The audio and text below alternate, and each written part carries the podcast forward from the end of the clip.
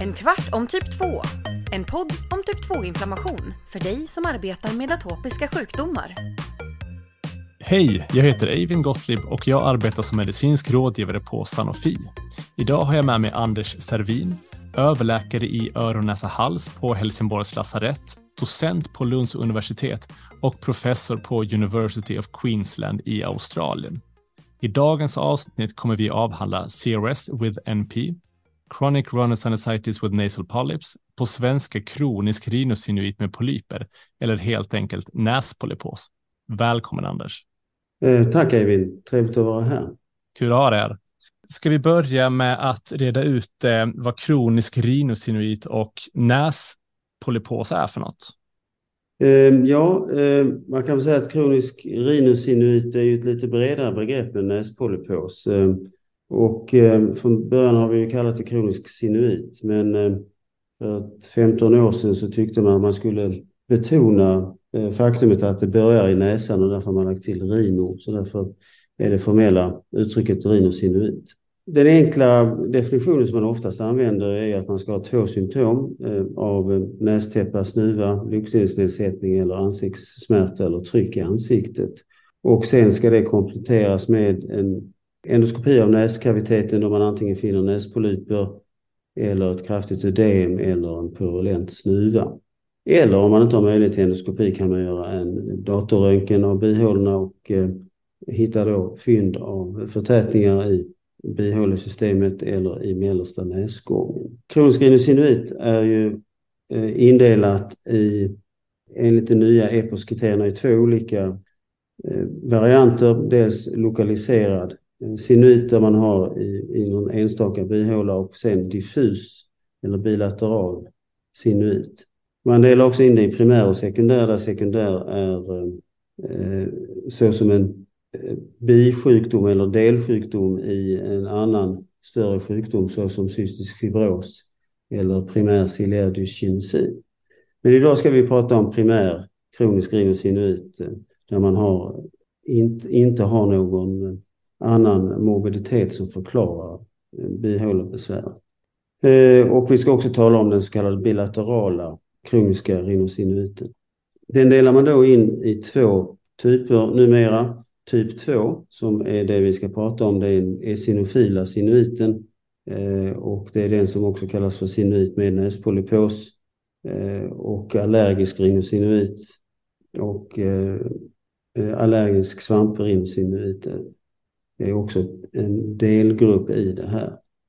Man använder ju begreppet kronisk rhinosinuit med näspolypos. Jag personligen skulle föredrar att man använder begreppet ECRS, alltså esinofil kronisk rhinosinuit som eh, reflekterar den inflammationen som man har i luftvägslemhinnan. För vi har ju patienter utan polyper som också skulle kunna må bra av de här moderna behandlingsalternativen som finns idag. Eh, och sen har man då den andra gruppen eh, kronisk rhinosinuit som heter icke typ 2 eh, kronisk rhinosinuit eller non-ECRS om man ska förkorta det. Och eh, de har ju oftast en mer blandad inflammation vid histologi eller en mer neutrofil inflammation och eh, har kanske oftare ett infektionsinslag med eh, kronisk purulent snuva och svarar oftare på antibiotika än vad typ 2-sinuiten eh, gör. Vilka patienter får typisk näspolypos? Eh, det är ju patienter som ofta har någon form av atopi. Allergiker är ju inte överrepresenterade enligt en del studier. Eh, men många kan ha haft eh, barnastma eller infektionsutlöst astma som barn som de sen har vuxit ur och sen i 35-årsåldern eller någonstans där i tidig medelålder så kommer besvären tillbaks med luftvägsinflammation och nästäppa och på sikt då utvecklas näspolyper. Och mm. många av våra patienter har ju en generell luftvägsinflammation med astma. Eh, många är det är, inte, det är inte alltid eh, man har diagnostiserat astma, men frågar man så är det många som går med, med kronisk hosta. Så det är nästäppa, luktsinnesnedsättning, snuva, kronisk hosta. Det är väl ganska typisk eh, näspolypospatient när, när de debuterar. Då låter det som att det är framförallt en bit in i livet som man typiskt debuterar med näspolypos. Oftast är det ju så. Jag har ju jobbat med de här patienterna i, i många decennier och visst har jag en, en del barn också som eh, drabbas av näspolypos och där får man ju vara lite noggranna med differentialdiagnostik eh, och utreda dem framförallt för cystisk fibros eh, men även primär ciliär dyskinesi kan man ju säga i enstaka fall även om, även om de oftast inte går med näspolyper. Vilka symptom uppfattar du som de mest besvärande för patienterna? Jag tror egentligen det är två symptom som eh, ställer till det för patienterna. Det ena är ju en uttalad nästäppa som leder till sömnfragmentering nattetid och som är en bidragande orsak till, till dagtidströtthet eh, som kan vara rätt så besvärande. Och eh, den andra symptomet är ju eh, luktsinnesbortfall eh, som är ett stort handikapp med allt från, från att man inte kan njuta av mat längre och eh, säkerhetsaspekter som brandrök och eh, byta blöjor på sina barn och så vidare. Eh, jag tror att det är de två symptomen som, som kanske ställer till det mest för patienten. Sen kan ju snuvan också vara väldigt besvärande förstås eh, för vissa patienter. Okej, okay, så lukt, nedsättning och trötthet framför allt? Ja, ja, ja, det är mitt intryck att det, det är de två symptomen där patienten blir som gladast och man kan lösa de två problemen. Hur behandlar man näspolypos? Initialt så brukar vi behandla näspolypos med eh, lokal kortikosteroid. Och eh, om polyperna är stora så brukar vi lägga till eh, en oral steroid eh, behandling. Oftast är det en tre veckors kur. Eh, och eh, med denna behandling kan man oftast eh, krympa polyperna, ibland få tillbaka luktsinnet. Dock eh, är det tyvärr så här att den eh, orala steroidkuren har ganska kortvarig effekt. Ibland bara några enstaka veckor och ibland kanske man har tur och får några månader med lindrigare symptom, men sen är ju besvären tillbaks. Och nästa eh, steg på behandlingstrappan eh, blir eh, kirurgi och man kan väl säga att det finns två nivåer på kirurgin. Man kan göra en polypektomi, vilket innebär att man bara rensar bort de polyper som hänger ner i näskaviteten och bidrar till nästäppan, vilket kan göras i lokalbedövning på någon slags pooloperation på mottagningen. Eh, men idag föredrar man att göra en mer utvidgad eh, bihålekirurgi i narkos. Och eh, det har ju framförallt väldigt god effekt på nästäppa men påverkar inte inflammationen i stort utan man får ju noggrant informera patienten om att vi kommer att behöva fortsätta med medicinsk behandling även efter kirurgi. Har man då tidigare recidiv efter kirurgisk behandling så har vi idag fått ett nytt behandlingsalternativ i form av de monoklonala antikropparna.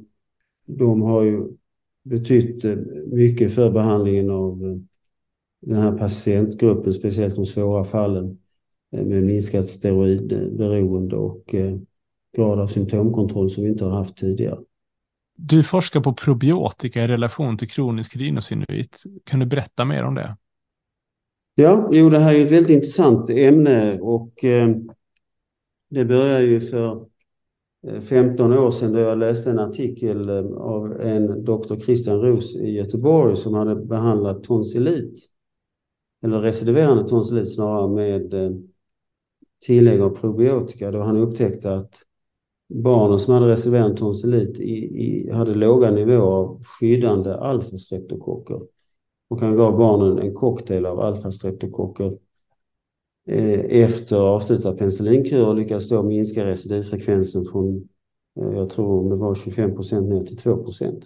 Så det är viktigt eh, att notera att när vi jobbar med kronisk sinuit och probiotika så är det framförallt typ 1 rinosinuit, alltså de mer purulenta infektiösa sinuiten där vi i nuläget har fokuserat. Och det handlar framförallt om att återskapa en mikroflora i över luftvägarna med hög diversitet som vi vet är viktigt för en god eh, immunkontroll och att man också med vissa species eh, bakteriespecies kan eh, inhibera patogener. Så där har vi ett antal projekt på gång, men det är ju fortfarande i sin linda så att säga, så att vi får väl se om det leder fram till ett, ett behandlingsalternativ. Vi hoppas ju verkligen det. Jätteintressant. På vilket sätt ger ni probiotikan? Ja, vi ger ju probiotikan då i form av eh, eh, nasalt lavage eller nasalt spray. Vilket är lite annorlunda mot eh, det traditionella sättet att ge det peroralt så att säga. Men vi tror ju på en lokalbehandling.